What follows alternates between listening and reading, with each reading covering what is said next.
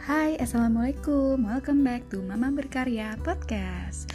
Oke, okay, hari ini pengen bahas something yang berhubungan lagi dengan digital marketing Khususnya SEO uh, Kenapa pengen bahas ini? Karena ini sebenarnya something yang masih jarang di, orang di Indonesia melakukannya gitu. Even beberapa di beberapa tempat gue pernah bekerja as a digital marketing manager gitu.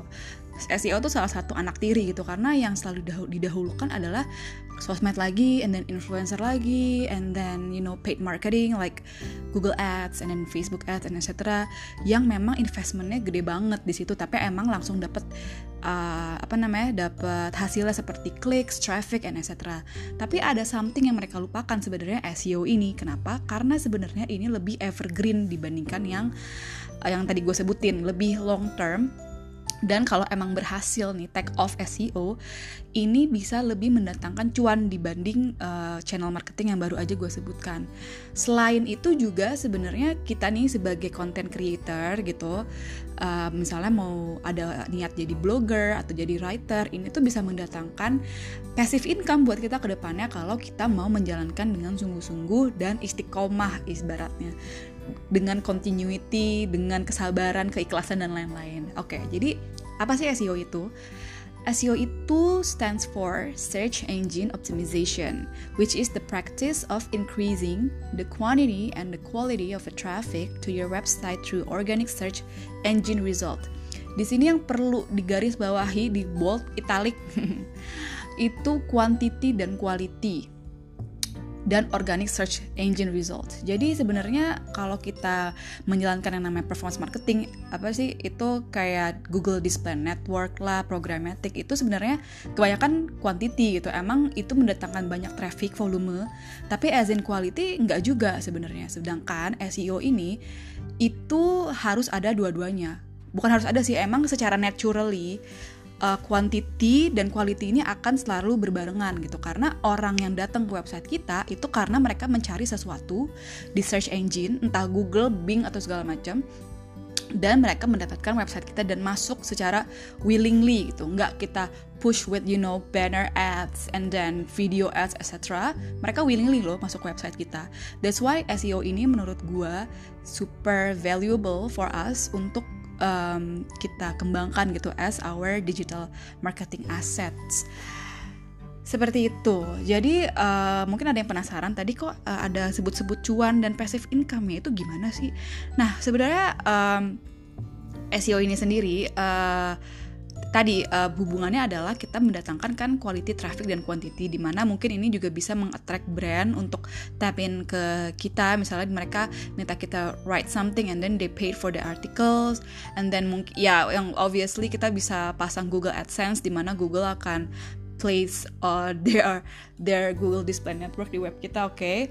Tapi sebenarnya ada lagi nih satu yang uh, menurut gue valuable juga as in passive income itu kita bisa membuat website kita sebagai the subject of affiliate marketing jadi publishernya kita gitu. Jadi kita bisa mendapatkan uh, uang dengan cara menempatkan link affiliate marketing dari e-commerce yang kita tahu nih kayak Lazada kayak Amazon. Itu mereka punya affiliate marketing uh, program di mana kita bisa mempromosiin pro, uh, apa namanya barang mereka kita taruh linknya di web kita lalu kita mendapatkan fee every time orang yang ngeklik link itu dan belanja di uh, website uh, di e-commerce itu sendiri gitu. Jadi ibaratnya orang baca artikel kita, kita promote uh, the products uh, di website kita, mereka klik, mereka lari ke Amazon kan itu di direct ke Amazon atau ke Lazada mereka beli kita dapat uh, apa namanya fee-nya gitu dapat uh, fee dari penjual itu sendiri. Dan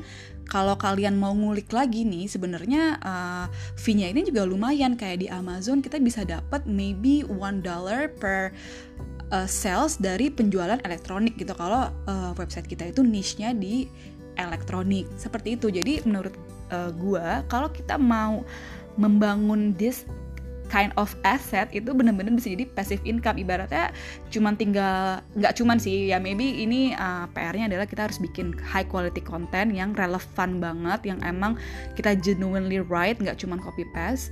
And then uh, udah kita tinggalin aja gitu. Dengan uh, kita put those affiliate marketing links ya udah nanti orang tinggal visit and then mereka klik mereka belanja kita dapat fee-nya terus tuh. Uang bakal ngalir terus. Bayangin kan betapa ini sangat potential for our passive income. Kalau ada yang tertarik dengan mendapatkan uang lebih dari passive income gak cuma dari gaji bulanan gitu sih.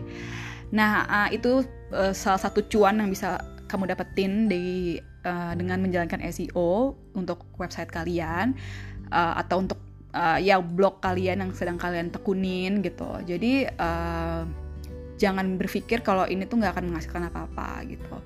Sayang sih menurut gue kalau kita mau melakukan sesuatu tapi setengah-setengah nih. Misalnya kita mau melakukan eh, mau jadi uh, content creator blogger tapi kita hanya main di Instagram gitu.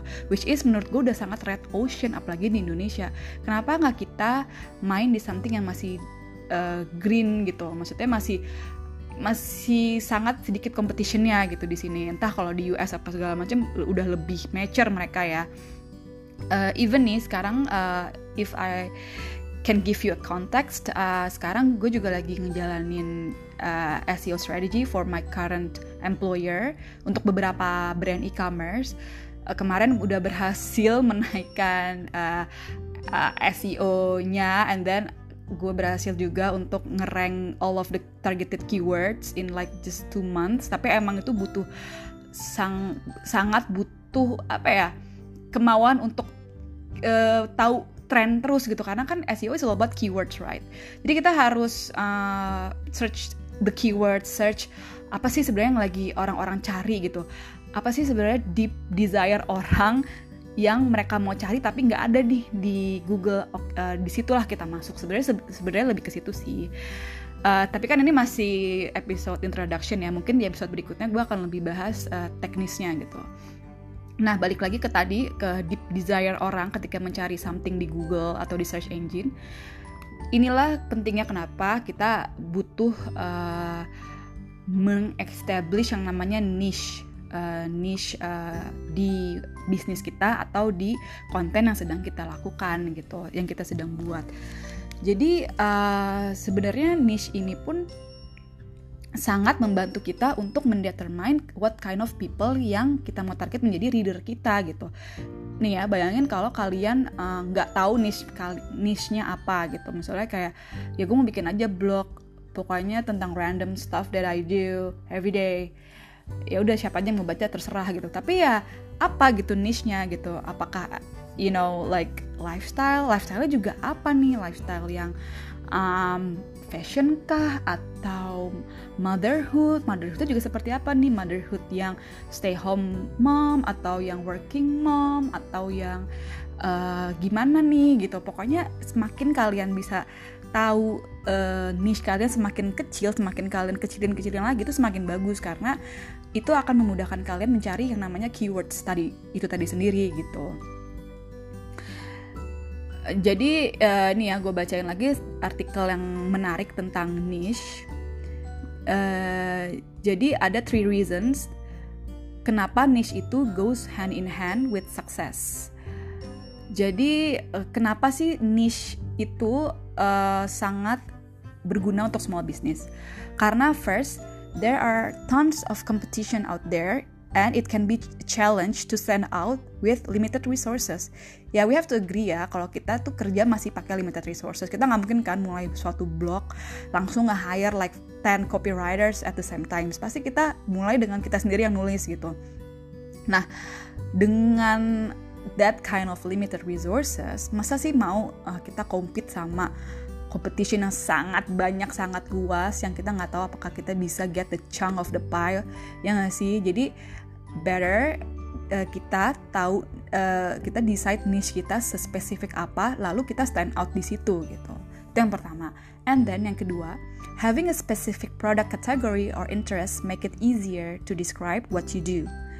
Nah jadi ini juga yang akan menjadi uh, apa ya benang merah kalian ketika kalian menjelaskan what your blog or what is your uh, content is all about. Misalnya nanti kalau kalian punya klien atau punya business partnership gitu kalian lebih enak gitu jelasin oh blog gue ini tentang misalnya kalau misalnya kayak gue ya blog gue ini tentang uh, life hacks and tips for busy moms yang nggak sempet baca panjang-panjang baca buku panjang-panjang jadi dia cuma cukup ke blog gue and then they can read like 10 minutes article and that's it gitu. Jadi itu sesuatu itu niche yang lagi pengen gue capai sih kalau boleh jujur seperti itu. Jadi sedetail itu kalau bisa.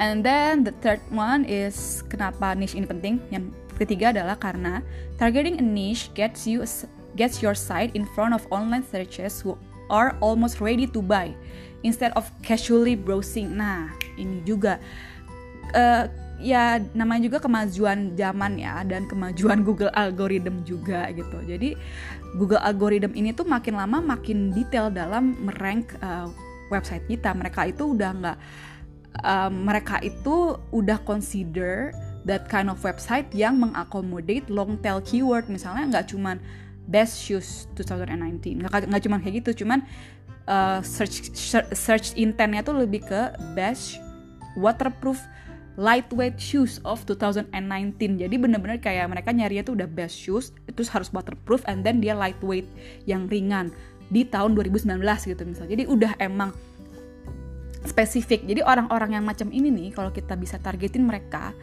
mereka ini tuh udah di tahap di mana mereka udah tahu mau mau apa tinggal belinya di mana. Atau tinggal mereka dapetin satu informasi terakhir yang mereka belum dapat and then they can convert instead of just like people that casually browsing and then just read because out of bored or, or something gitu sih. Jadi ini keunggulan kenapa kita butuh uh, niche. Oke okay, udah 11 menit udah violating my 10 minutes uh, rules in this podcast. Jadi gitu uh, introduction to SEO mungkin nextnya gue akan lebih menjelaskan gimana kita start the SEO kalau kita mau oke okay, oke. Okay. misalnya kayak oke okay, I will decide I will start the SEO because I think this is will be a good stuff for my content and then you know for my uh, social media uh, digital marketing assets okay if you already decide to do that you should wait for my next episode because I will walk you through to the important steps on starting the SEO itself. Until next time thank you for listening. Don't forget to follow and share this podcast to your friends if you find it useful. And then see you next time. Bye bye. Assalamualaikum.